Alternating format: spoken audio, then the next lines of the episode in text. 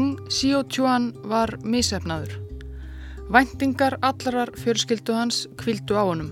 Það var hann sem átti að skara fram úr og hefja ættina aftur til þess vex og þeirrar virðingar sem hún hefði einu sinni notið. Ættmenni hans höfðu fórnað öllu, lagt allt tröst sitt á hann, Hong Xiuquan, hann sem hafi verið svo efnilegur. En svo hafði hann klúðrað öllu, ekki bara einu sinni og ekki tvísvar. Hong Xiuquan var gjörsamlega misefnaður.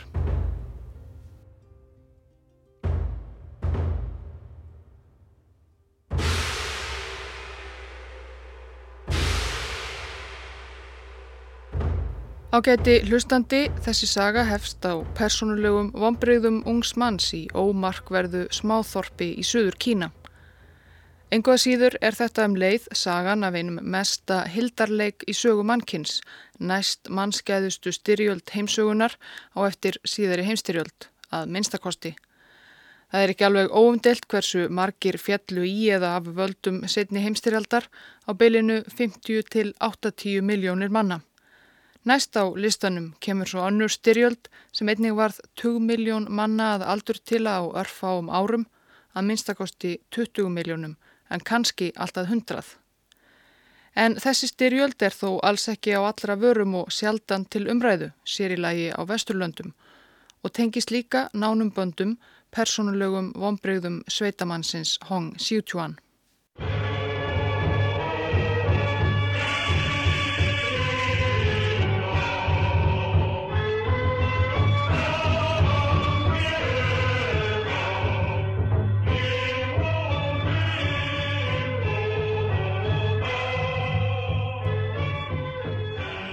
Árið var 1837 og í 200 ár hafði keisarætt mannsjúmanna verið við stjórnvölinn í hennu gríðarstóra og ævaforna ríki Kína. Um miðja 17. öll töfðu mannsjúmennir komið á hestum sínum niður af slettunum í norðaustri og lagt undir sig keisarveldið. Þá hafðu þeir mannsjúmennir verið ungir og þróttmiklir í samanburði við fyrri keisarætt sem kent var við Ming og lengi vel var veldið þeirra byggt á aldalangri kínverskri hefð, styrt og traust. En þarna um 200 árum síðar á fyrir hluta 19. aldar hafði mikið vatn runnið til sjávar og mannsjúmennir voru orðnir værukærir, veldið þeirra aldur nýið og þreytt og gegnum sírt af spillingu. Ópíum stríði við Vesturlönd hafði veikt mannsjúmennina eða Qing keisarættina eins og hún var einnig kölluð og innviðir ríkisins réðu heldur ekki við mikla fólksfjölgun í kínverskum sveitum. En enguða síður var leiðin til áhrifa og velmegunar í þessu stóra og fjölmennaríki enn í gegnum hið opimbera. Keisarin þurfti skiljanlega heilan her embættismanna til að sinna öllu því fjölmarka sem þurfti að sinna í öllum krókum og kímum veldisíns og þessir embættismennutu ágætra kjara og gáttu haft það bara ansi gott að minnstakosti ávið hinn almenna kótbónda. Að verða ríkistarsmaður var því skiljanlega eftirsótt markmið með efnilegra ungra manna við svegarum Kína og Hong Xiuquan sem við kynntumst þér í upphæfi þáttar, hann þótti efnilegur allavegna svona lengst framanaf. Hann fættist í janúar 1814 í litlu Sveitaþorpi í Guangdong hér að í sunnanverðu Kína við strendur Suður Kínahafs sem umlikur til að mynda evrósku nýlendurnar Hong Kong og Macau. Fjölskylda hans var af þjóð sem kallast Hakka. Nafnið Hakka þýðir bókstaflega gestaþjóð og þeim hefur stundum verið líkt við kínverska sígóina eða farandfólk þar sem fyrir mörgum öldum voru Hakkamenn á flakki, fluttu þá til að mynda niður með gulu áni úr norðri og kom sér fyrir í sunnanverðu Kína.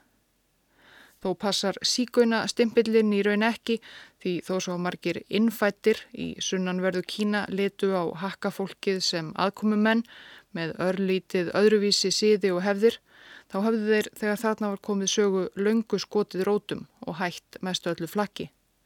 Fjölskylda Hong Xiuquan hafði til að mynda búið í sama þorpinu í Guangdong hér aði kynnslóðum saman í mörg hundruð ár og þó að hann væri fátæk þegar hann fættist og var að alast upp, þá hafði það ekki alltaf verið þannig.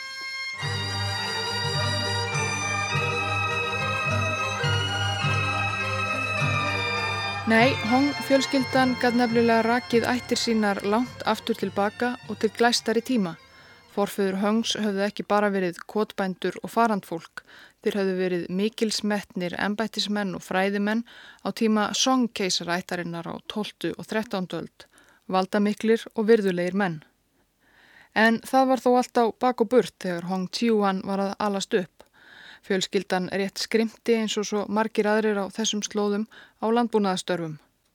Strax á fyrstu árum æfinar síndi Hong Xiuchuan að hann var einstakur. Frá blöytu barsbeini var hann bókneiður og afburða greindur, lærði megin rétt kínverskrar siðmenningar utan að kortn ungur, ættmennum sínum og öllum í þorpinu til ómældrar hrifningar. Eitthvað litið að verða á þessum pilti, það sá hver maður, jáfnvel í þessu litla sveitaþorpi, og því kviknuðu vonir til þess innan fjölskyldu hans að hann er því sá sem færði hongfjölskylduna aftur til fyrri dýrðar og því ákvað fjölskyldan og nágrannar hans sömu leiðis að styrkja pilt til frekara náms og tryggja það að hann gæti þreytt embætismannaprófið sem skar úrum hver kæmist í þjónustu hins opimbera og erði starfsmæður keisarhans.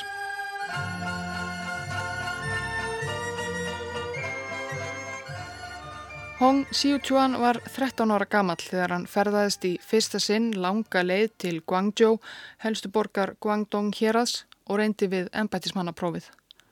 Prófið snerist aðalega um rít, konfúsiasar og speki og var hryllilega erfitt og langt. Jável hinn klári Hong Xiuchuan sem hafi lært fimm megin rít konfúsiusar higgunar utan að á bartsaldri, hann fjall á prófinu.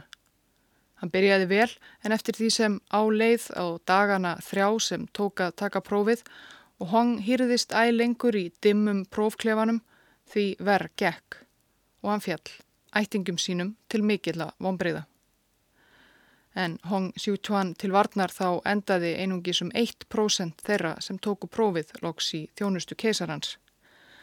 Það var ekki einu sinni hlaupið að því að fá tækifæri til að þreita prófið aftur og það fekk Hong ekki fyrir en nýju árum síðar, 1836. Það var Hong Xiuchuan orðin 22 ára og hafi lús lesið hverja einustu setningu um kenningar, konfúsiusar og pliktir ofinbæra starfsmanna og svo framvegis og svo framvegis undan farin nýju ár. En allt kom fyrir ekki. Hann fjall aftur. Aftur urðu ættingjar Hong Xiuchuans fyrir vonbreyðum með ættarlaukin. En hann gafst ekki upp. Hann þreyti prófið aftur ári síðar, 1837, og aftur fjallan.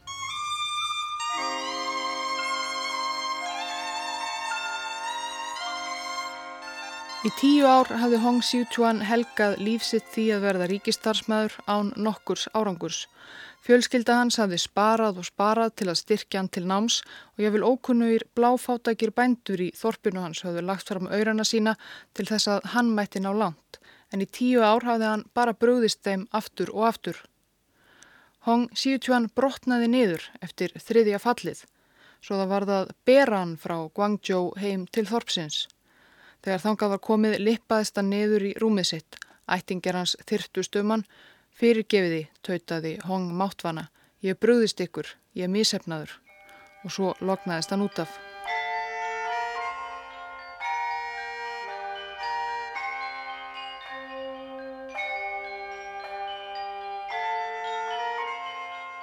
Það næsta sem gerist í þessari sögu, já nú verðum við að reyða okkur á orð Hong Xichuans sjálfs og samferðamanna hans. Þar sem hann lá niður brotin í fleti sínu, ættingjar hans heldu um stund að hann væri látin en hann andaði þó, þá fekk Hong Xichuan vitrun. Fyrsta vitruninn var einhvern veginn svona. Þrjár skepnur, dregi, tígur og hanni á samt flokki hljóðfæraleikara báru hann í burðarstóla á framandi og undraverðan stað þar sem herskari manna og kvenna tóku á móti honum fagnandi. Hópur síðskeggjaðra vitringa tók hann svo í sínar hendur og svo skáruðir hann upp og krukkuðu í inneflum hans. Því næst var Hong fluttur á fund gullskeggjaðs öldungs í glansandi svörtum silkislopp. Sá gildi harmaði að heimsbyðin tilbæði hann ekki sem skildi og yllir andar leindust í hverju horni. Hann færði Hong Sichuan mikið galdrasverð og saði honum að það væri verkefni hans að ráða niðurlögum hérna illu.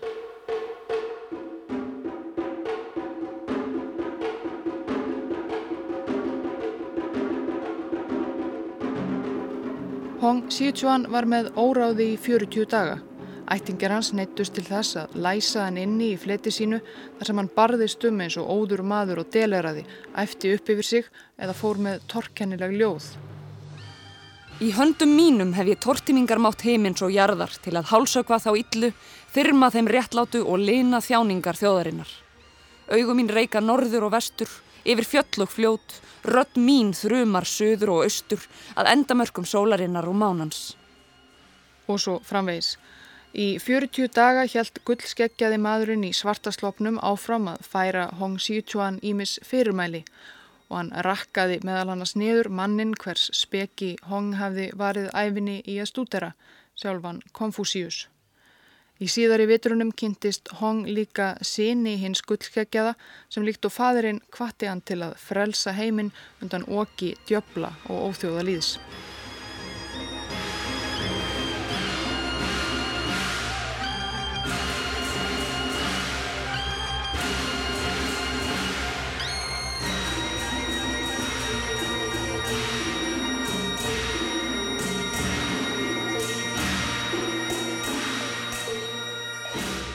Í 40 daga var Hong Xiuquan heitlum horfin.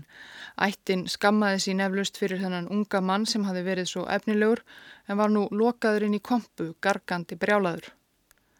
En svo komst Hong smátt og smátt í eðlilegt ástand á nýjanleik. Gull skeggjaði öldungurinn hvarf á braud. Hong hætti að öskra og yrkja og leti eins og ekkert þegar því skorist. Hann fekk vinnu sem barnaskólakennari og reyndi næstu árin að einbeita sér að henni.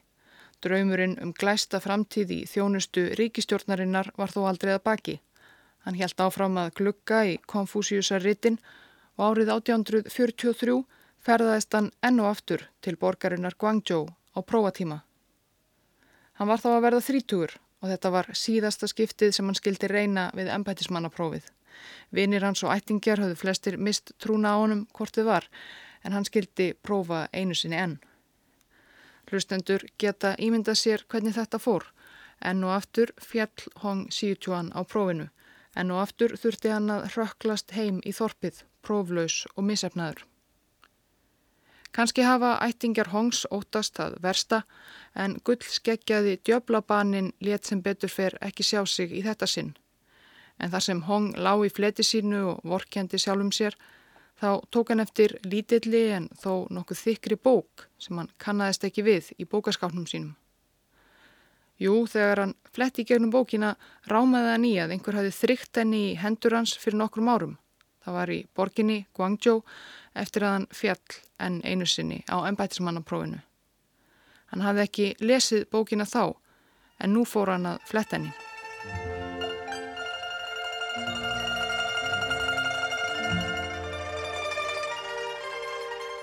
Skemst er frá því að segja að í þessari frekar látlausu skruttu fann Hong Xichuan svörin við öllum spurningunum sem hafðu leitað á hann undanfæran ár.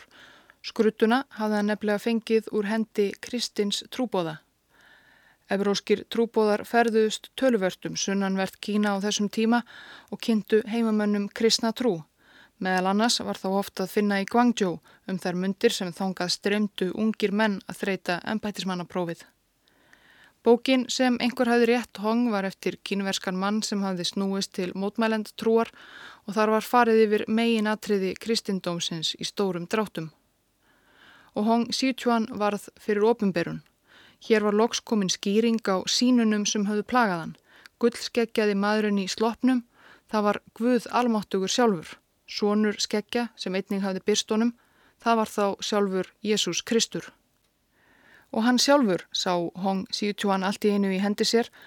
Hann var ekki bara missefnaður barnaskólakennari, hann var líka sonur Guðs, yngri bróðir Jésu, sendur til jarðarinnar til þess að frelsa sársnauðan kínverskan almenningur viðjum konfúsjúsar hyggju og annarar trúvillu og ekki síst undan oki hinn að spiltu mannsjúmenna í höllum þeirra í Peking.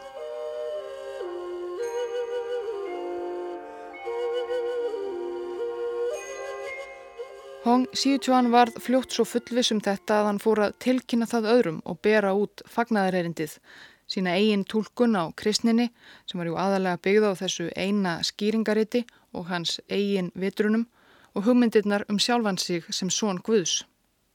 Þeir fyrstu sem Hong tókst að frelsa voru frendi hans að nafni Hong Rengen og æskuvinur hans Feng Yunxian. Þeir félagar voru mjög móttækilegir fyrir boðskap Hongs Sichuan og verðu fljótt mjög heitir í trúni rétt eins og hann og fullvisir um að kollvarpa þyrti kínversku samfélagi. Þeir lögðu fæð á Konfúsius og speki hans, búttisma og kínverskar hefðir. Saman genguð þeir milli hofa og tilbeðslu staða og brutu allt og brömluðu og eigðilögðu líkneski og stittur. Síðar fór þeir að ferðast milli sveitaþorpa og bæja þarna í nágreininu og bóðuðu nýju trúna. Og trúbóð þeirra fjall í góðan jarðveg. Þarna í sveitum Suður Kína var þá mikil fátækt, uppskeru brestir tíðir með tilherandi hungri og ymsar farsóttir geisuðu reglulega. Öllu þessu saðist Hong Sichuan geta breytt og meðal bænda og fátaklinga hvisiðist fljótt út sögur um að Hong þessi sem saðist guðlegur geti læknað sjúka og til hans streymdi vongott fólk með ímsa kvilla. Speki Hongs var einskonar fyrðuleg blanda af kristinni mótmælendatrú í nokkuð grófum dráttum, heimsenda boðskap Gamla testamentisins og svo einskonar frumstæðum kommunisma Sára fátækir og skattpíndir bændur og verkamenn hrifust sérstaklega hugmyndum um jafna skiptingu lands og egna, yfir lýsingum um réttlæti fyrir fátæka og lausnundan oki hinn að spiltu mannsjúherra. Hong Sichuan, fyrstu fylgismenn hans tveir, frændin Hong Rengen og vinurinn Feng Yungxian, stopnuðu þar sem þeir kölluðu samfélag trúadra og fljótt flyktust til þeirra fylgismenn og samfélagið ógs hratt.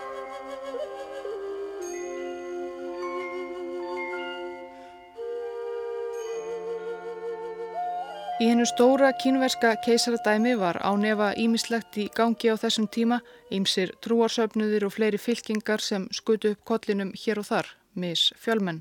Keisarin gatt auðvitað ekki fylst með öllu, þrátt fyrir allansinn hér af ennbætismönnum. En þó koma því að jafnvel hinn aldurnignu mannsjú yfirvöld fengu fregnir af þessum skringilega en örtavaksandi trúarhópi í suðrinu sem nú kallaði sig samfélag trúaðra og líkaði skiljanlega illa að einhver kennararævill sprangaði um og espaði almenning upp gegn sjálfum Konfúsiusi og þeim sjálfum mannsjúmanum. En þegar yfirvöld fóru eitthvað að reyna að hindra frekari uppgang samfélagstrúara ákvað kennararævillin Hong Xiuchuan að það væri komin tími til að láta til skara skrýða. Hong og nánasti samstagsmaður hans og vinnur fyrir nefndur Feng Yunxian þeir byrjuðu að þjálfa meðlimi samfélagsins í hernaði. Fylgismenn Hongs voru þá ornir nokkur þúsund talsins og meðal annars með því að ræna og ruppla í bæjum þar siðra gáttu þeir fjármagnað umtalsverð vopnakaup og herþjálfun. Það sem byrjaði sem trúarhópur fór að breytast í uppreysnarfylkingu þegar yfirvöldi Peking þeim leist ekki á blíkuna, reyndu í fyrsta sinna hveða samfélagið í Kútin með hervaldi árið 1850 gáttu Hong og félagar hrakið keisaraherin nokkuð auðveldlega á flóta. Og þá var ekki aftur snúið. Fljótlega höfðu Hong og samfélagið lagt undir sig töluvert landsvæði og gáttu staðist allar innrásir hers keisarans. Keisaraherin var enda líkt og svo margt annað í veldi mannsjúmanna orðin þreyttur og vanmáttugur á þessu stíi málsins. Fylgismenn Hongs, þó þeir væru flestir bara bændur og verkamenn, voru hins vegar agaðir, brunnu af heilagri sannfæringu og hötuðu keisaran. Daginn snemma í janúar 1851 var svo stundin komin, næsta stig uppreysnarinnar. Þetta var ekki bara trúarhópur og ekki bara uppreysnarfylking, Þá tilkynnti Hong Xiuquan að fætt væri hið himneska ríki hins mikla fríðar, Taiping Tuango, svona einhvern veginn hljómar það vist á kínversku, gerðan kallað Taiping ríkið. Og sjálfur titlaði Hong sig himneskan konung, þessa nýja ríkis.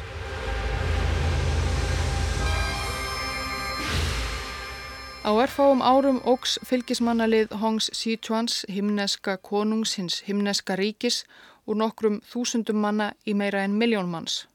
Kvarvetna sem Hong og menn hans fóru yfir gengur sífætt fleiri til liðs við uppreysnina.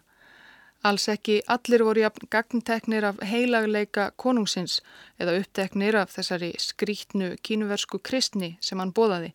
Margir voru miklu hrifnari af yfirlýsingum Hongs og manna hans um sangjarnara samfélag, jafnrétti, ríkra og fátækra. Allavega hrifust margir með og áfram þrammaði her hins himneska ríkis.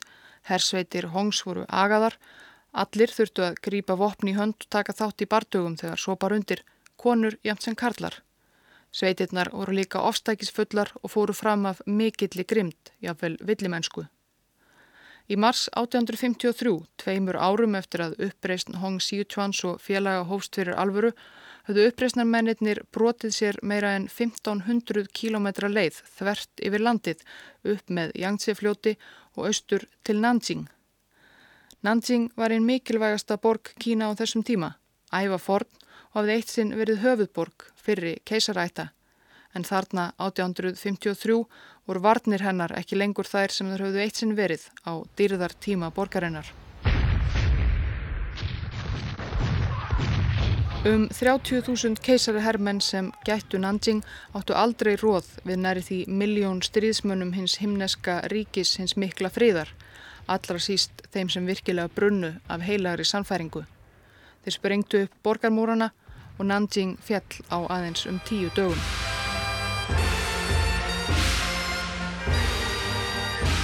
Bóðskapur Hong Xichuans fjall ekki eins vel í kramið hjá veraldarvönum og velmegandi íbúum Nanjing og hjá kotbændunum í söðri.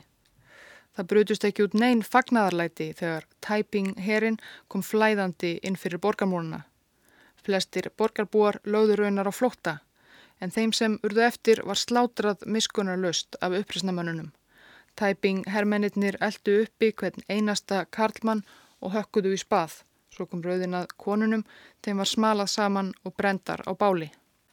Það var engin miskun sínt en það voru þetta að mati leðtóhans Hong Xiuquan allt djöflar og yllir andar.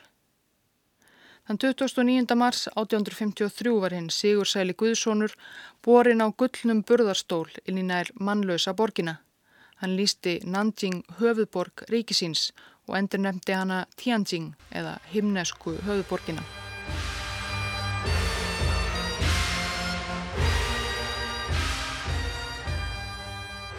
Í Nanjing hófust Taiping menn handa við að byggja upp innviði hins himneska ríkis að fyrirmælum konungsins, hans heilaguleika Hongs Sichuan.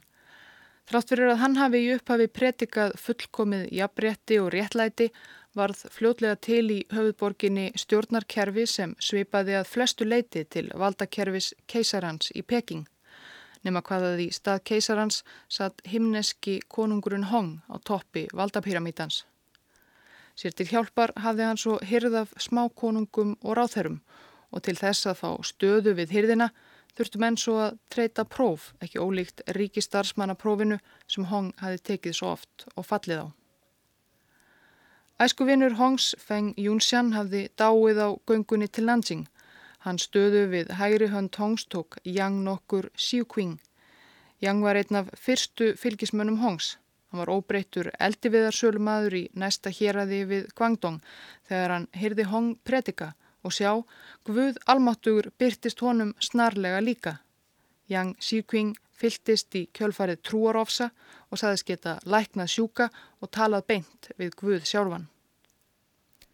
Sem yfir hersöðingi Taiping hersins átti Yang stóran þátt í framgangi söfnuðarins og eftir komina til Nanjing gerði Hong hannað eins konar fósættisráð þeirra sem hafði umsjón með helstu veraldlegu málum. Hong sjálfur virtist nefnilega eftir því sem leið á uppreysn hans missa áhugan á veraldlegu hliðum hennar, bæði hernaði og daglegum rekstri hins himneska ríkis. Hann hætti að koma fram ofinberlega og stjórnaði ríkisínu einungis með því að gefa frá sér skriflegar yfirlýsingar um torskiljanlega guðfræði. Geðheilsa hans verðist hafa farið versnandi eftir því sem ríkidæmi hans jógst. Hann fjall reglulega í ómegin og fekk vitranir, fadir hans drottin byrtistónum eða þá Jésús eldribróðir. Auk þess hafði hann látið byggja sér ágæta höll í miðborg Nanjing og komið sér þar upp stærðarinnar kvennabúri og það tók tíman sinn að hugaða því. Þó Hong hafi í upphafi pretikað mikið um jafnrétti kynjana og konur hafi leikið mikilvægt hlutverk í hernaðar sigurum tæping hersins, Þá bannaði hann síðar allt eiginlegt samneiti Karla og Kvenna. Það gekk svo langt að Nanjing var í raun skipt niður í tvo hluta, Kvenna hluta og Karla hluta. Með að segja strángift hjón máttu varla hittast. Hong sjálfur var þó undan þegin þeim reglum að mega ekki hafa neitt af konum að segja og mun hann hafa synd kvennabúri sínu af ákjæfð. Daglegur rekstur hins himneska ríkis hins mikla friðar komu meðan æg meira í hlut Yang Xikving. Yang var eins metnaðargjarn og Hong var fjarrætt og eftir komina til Nanjing slettist fljótt upp á vinskap þeirra. Yang gramtist að hinn himneski konungur leti ríki sitt engu skipta lengur og reikaði bara um ganga hallar sinnar annarkvort í trúarlegum transi eða í faðmi einhverjar hjákonunar. Að samaskapi líkaði Hong illa gaggríni Yangs og fullirðingar fórsættisráþurans um að hann væri alltaf spjallandi við Guð almáttugan. Því Hong leitt svo á að samband við drottin væri aðal og enga hlutverk sitt í þessum söfnuði. Það var jú hann sem var sonur Guðs og bróðir Jésu. Yang var bara einhver eldiviðar sölumadur út í bæ. Haustið 1856 fjall Yang Xikving fórsættisráð þeirra í trans eins og hann gerði vist reglulega og Guð fór að tala til nærstatra í gegnum hann eins og hann gerði vist reglulega eða það vildi Yang alltjent meina. Og Guð hafði sannlega fréttir að færa. Með drafandi rödd Yangs saði Guð að Hong Xichuang hefði sparkað grimmilega eina hjákonu sína og það að hýða hann fyrir þann glæp. Hong Xichuang, hinn himneski konungur, hafði enn nægilega rænu og vitt til þess að átta sig á því að Yang væri með þessu að gera tilraun til að steipa honum á stóli og sölsa sjálfur undir sig ríkið og hann hafi enn þrek til að snúast til varnar sem hann gerði af mikilli hörku. Jang og fjölskylda hans voru snarlega handtekinn og skömmu síðar tekin af lífi öll með tölu. Sömu leið fóru þúsundir hermana sem taldir voru hotlir Jang frekar en Hong konungi.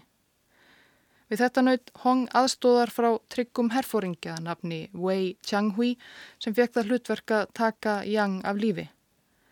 En við ættum svo sem að kannast við það úr sögunni að þegar tortrygnir leðtóar byrja að sjá samsæris bliki í augum undirmanna sinna, þá líður ekki á löngu þanga til þeim finnst bókstaflega allir sitja á sveikraðum við sig. Fljótt fannst Hong Wei Tianghui líka gerast drampsamur um of. Hann og menn hans máttu því líka týna lífinu í áframhaldandi hreinsunum. Og líklega urðu þessar erjur næri 30.000 manns að bana á skömmum tíma.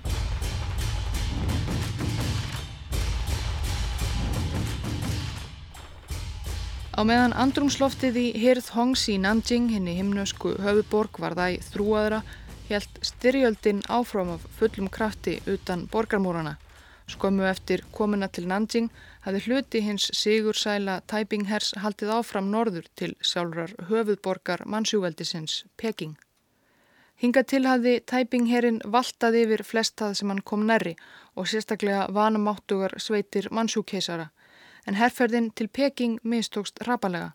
Bróðurpart tæpinghersins skipuðu herrmenn úr sunnanverðu Kína og þeir voru ítla búnir undir bítandi frostið í norður hlutanum í og við Peking þegar fóra vetra. Þeir dóu í hrönnum á leiðinni og þeir sem komist á leiðarenda til höfuðborgarinnar voru veikburða og auðveld bráð fyrir keisarahermenn sem voru vanari þessum aðstæðum. Herrferðir í söður hlutalandsins gengu öllu betur. Undir stjórnins unga og snjalla herfóringja Xi Daikai stækkaði landsvæði hins himneska ríkis mjög. Xi Daikai blöskraði hins vegar fregnir frá henni blóðugu valdabaróttu sem átti sér stað í höfuborginni og ákvaða lokum að segja skilið við uppreysnina á samt 100.000 manna hersínum. Þessar innbyrðis skærur veiktu lið tæpings mikið. Uppreysnar menn gerðu ítrekkaðar tilraunir til þess að fá kínversku miðstjettina í lið með sér en ættið án árangurs. Tæpingmenn voru þá launguornir allræmdir fyrir að virða kínverska síði og engum kenningar konfúsiusar að vettu í. Konfúsiusar síður var svo rótgróin í Kína að það þurfti meira en lítið til að uppræta hann og jáfnvel eldmóður hongs og persónutöfrar dögðu ekki til en það virtust fögur fyrirheit hongsum jafnrétti og réttlæti innu jarðuneska himnaríki færast sífælt fjær eftir því sem á leið. Keisaraherrin fór svo smátt og smátt að ná vopnum sínum og næstunni var barist af sívaksandi hörku á stóru landsvæði. Styrjöldin kostaði æg fleiri mannslíf og hinn linnulöysi hernaður kom öllu samfélaginu í uppnám. Miljónir óbreyttra borgara letu lífið í hungursneiðum sem reykja mátti beint til hernaðarins.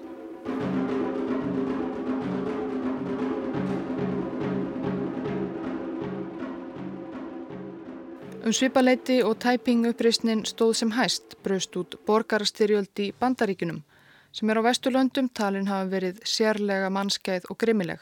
Þar fjall þó innan við miljón manns, einungis, þó auðvitað sé það ekkit lítið.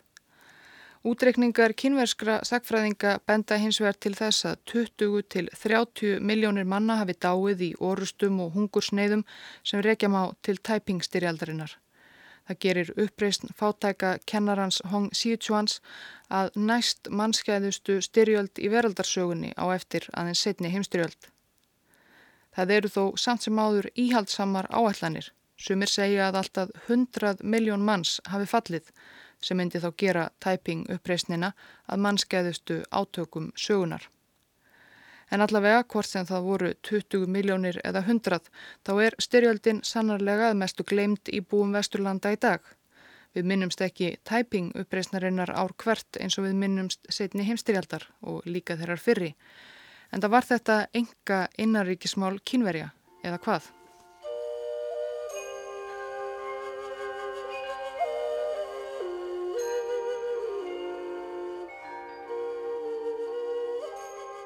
Vesturlönd leittur reyndar líka kínversku tæping borgarstyrjöldina að mestu hjá sér á sínum tíma. Á þessum tíma um miðja 19. öld var Kína vesturveldunum bæði fjarlægt og framandi en þó ekki svo að við í vestri værum ekki farin að skipta okkur af því sem það var í gangi eftir fremsta megni. Bretar og fleiri stórveldi voru í viðskiptum þar eistra og árið 1856 hafði þið svo nefnda setna ópjumstríð brotist út þegar mannsjúmenn heldu ekki viðskiptasáninga sína við Bretland og Frakland. Evrósku heimsveldin tvö vildu þó ekki beinti lýsa yfir stuðningi við tæping uppreysnina þó þau ættu sameinlegan óvinn í kínverskum yfirvöldum. Uppreysnin olli vesturlandamannum lengi aðalega nokkrum heilabrótum. Fyrir það fyrsta voru fregnir af atbyrðum í Nanjing og víðar lengi framann af afar óljósar. Þó svo að vesturlandabúar væru farnir að stunda viðskipti í Kína var landið enn mikið til lokað og leindardómsfullt, sérstaklega upplandið fjari strandlengjunni þar sem tæping átökin loguðu. Útlendingar í Kína sem heldur sig mestmegnis í hafnarborgum eins og Shanghai og Hong Kong fengu misvísandi fréttir af því sem átti sér stað inni í landinu og fregnirna sem bárust allaveg til Lundúna, Berlínar og New York voru ennþá þókukendari. Einhvers konar uppreist eða hvað, uppreist hverra og hverjum átti maður eiginlega að halda með. Var ástæða til þess að óttast tæpingherrin eða voru þetta annars ekki kristnir menn? Á tímabili lásu vesturlandabúar bara það í tæping uppreistnamennina sem þeir vildu lesa Þannig fannst fréttarittara bandarisks dagblaðs í Lundunum hinnar óljósu fregnir frá Kína bera vottum að þar á bæ væri korki meirinni minna en bilding öreigana í fullum gangi. Hann fagnaði því skiljanlega því fréttarittarinn var sjálfur Karl Marx. Aðrir hömpuði því svo að loksins væri kínverska þjóðin að snúast til kristni. En valdamönnum á vesturlöndum var það lokum ljóst að þó þessir undarlegu uppreysnar menn segðust játa sömu trú og þeir myndi það líklegast ekki bóða gott fyrir ópíum og þrælaverslunina við kínastrendur ef tæpingmenn kæmust til valda. Þegar tæpingherrin gerði sig líklegan til að ráðast á Shanghai, hafnar borgina miklu þar sem ótal evróskir kaupsíslumenn heldu til, ákváðu vesturlandabúar loks að skerast í leikin þó ekki nema með því að senda nokkurt mannskap til að þjálfa hinn sundurlösa herr mannsjúkeisara til að brjóta uppreysnina á bakaftur. Herinn gengdi fyrst stjórn bandarísks æfintýramanns Fredrik Townsend Ward og síðar breska herfóringjans Charles Gordon eða kínverska Gordon eins og hann var kallaður fyrir vikið og herinn fekk hið hóværanapn Sí Sigursæli herinn. Það var alls ekkit rángnefni eins og tæpingmenn fenguð að reyna þegar þeir reyndu loks að ráðast inn í Shanghai-borg í ágúst 1860. Uppreisnamenn byggust hálfpartin við að þið stóra samfélag Vesturlandabúa í Sjanghæ myndi taka kristnum bræðrum sínum opnum örmum. Í stað þess stóðu brettar og frakkar fremst í flokki varnarliðsins með nýjustu evrósku skotvopn og stráfældu þá. Á næstu árum endurheimti sí sigur sæli herinn svo aftur stóran hluta yfiráðasvæðist Taipings á samt öðrum hersveitum keisarans. Síðasta víi uppreisnarmanna var höfuðborgin Nanjing. Hér keisarans settist um borgina 1862. Flestum var þá orðið ljóst að hinsta stund hins himneska ríkis, hins mikla fríðar, væri að renna upp. Kanski öllum nema Hong Sichuan sem ráfaði ennum ganga hallarsinnar í höfuborginni, sá vitranir og gaf frá sér óskiljanlegar yfirlýsingar. Hann neytaði að gefa Nanjing upp á bátinn þrátt fyrir ákafar átölur allra nánustu samstagsmanna hans og hersöðingja. Guð myndi bjarga þeim, sagðan. Svo samfærður var hann um björgun drottins að hann bannaði mönnum sínum að sapna byrðum fyrir umsetna borgina. Guð myndi sjá um það. En umsátrið dróst á langin og árið 1864 eftir tveggja ára umsátur voru matarbyrðir í borginni á þrótum. Hong Siutuan á nefa laungu orðin gjörsamlega vitfyrtur fram til þá sjálfsmorð. Hann skildi 15 ára svonsinn eftir í valdastól en Stráksi fekk lítið að gert, stríðið var tapað. Nanjing fjalloks í júli sama ár, 1864. Keisaraherin slátraði eftirlifandi borgarbúum og tóku 15 ára konungin af lífi. 13 ára sögu hins himneska ríkis hins mikla fríðar var lokið.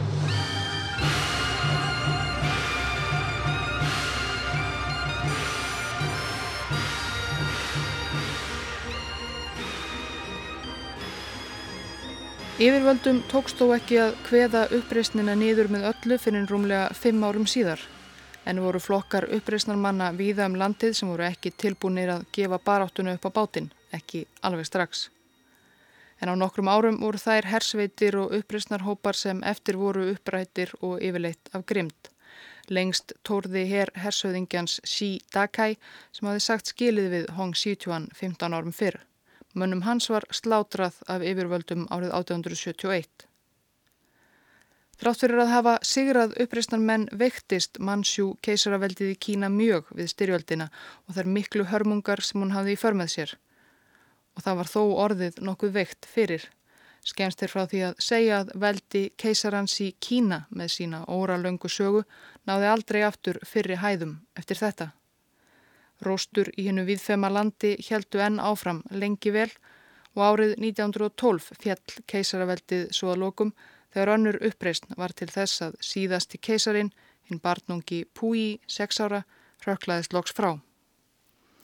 Og bara nokkrum árum síðar dúkaði svo upp annar innblásin uppreysnar leittói sem að vísu leita ekki á sjálfan sig sem són Guðs en leitt ynguða síður nokkuð stort upp á sig og hann stúdiraði líka tæping uppreysnina náið, leita á hana sem einskornar fyrirmynda því hvernig skildi haga uppreysn öreiga og kotbænda í hennu gríðastóra landi og kannski einnig viti til varnaðar um það hvernig skildi ekki klúðra slíkri uppreysn.